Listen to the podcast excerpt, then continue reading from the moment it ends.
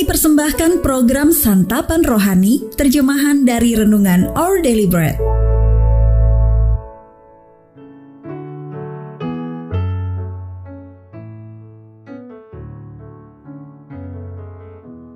Sahabat ODB, pembacaan Alkitab hari ini terambil dari Roma pasal yang ke-12 ayat yang ketiga sampai dengan ayat yang ke-8.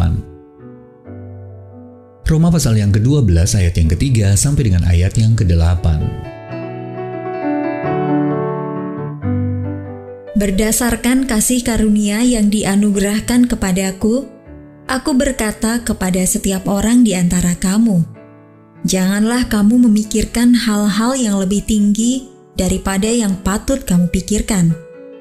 Tetapi hendaklah kamu berpikir begitu rupa, sehingga kamu menguasai diri menurut ukuran iman yang dikaruniakan Allah kepada kamu masing-masing. Sebab, sama seperti pada satu tubuh, kita mempunyai banyak anggota, tetapi tidak semua anggota itu mempunyai tugas yang sama. Demikian juga kita Walaupun banyak adalah satu tubuh di dalam Kristus, tetapi kita masing-masing adalah anggota yang seorang terhadap yang lain. Demikianlah kita mempunyai karunia yang berlain-lainan menurut kasih karunia yang dianugerahkan kepada kita. Jika karunia itu adalah untuk bernubuat, baiklah kita melakukannya sesuai dengan iman kita jika karunia untuk melayani, baiklah kita melayani. Jika karunia untuk mengajar, baiklah kita mengajar. Jika karunia untuk menasihati, baiklah kita menasihati. Siapa yang membagi-bagikan sesuatu, hendaklah ia melakukannya dengan hati yang ikhlas. Siapa yang memberi pimpinan, hendaklah ia melakukannya dengan rajin. Siapa yang menunjukkan kemurahan, hendaklah ia melakukannya dengan sukacita. Ayat Mas Renungan hari ini terambil dari Roma pasal yang ke-12 ayat yang kelima. Demikian juga kita walaupun banyak adalah satu tubuh di dalam Kristus, tetapi kita masing-masing adalah anggota, siang seorang terhadap yang lain. Renungan hari ini berjudul Tim Idaman ditulis oleh Kirsten Holmberg. Melanie dan Trevor bersama-sama melakukan pendakian gunung berkilo-kilometer dengan menyusuri jalan setapak.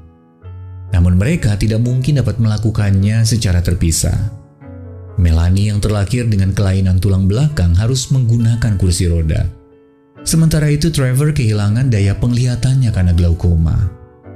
Keduanya menyadari bahwa mereka dapat berpasangan dan saling melengkapi untuk bersama-sama menikmati alam Colorado. Trevor yang berjalan menyusuri jalan itu dapat menggendong Melanie di punggungnya, sementara Melanie dapat mengarahkan jalan dan mereka menyebut diri mereka sebagai tim idaman. Para pengikut Yesus yang digambarkan Paulus sebagai tubuh Kristus mirip dengan suatu tim idaman yang mendorong jemaat di Roma untuk menyadari bagaimana setiap individu memiliki karunia-karunia yang bermanfaat bagi komunitasnya. Seperti halnya tubuh jasmani kita terdiri dari banyak anggota yang memiliki fungsinya masing-masing, maka kita semua adalah satu tubuh rohani.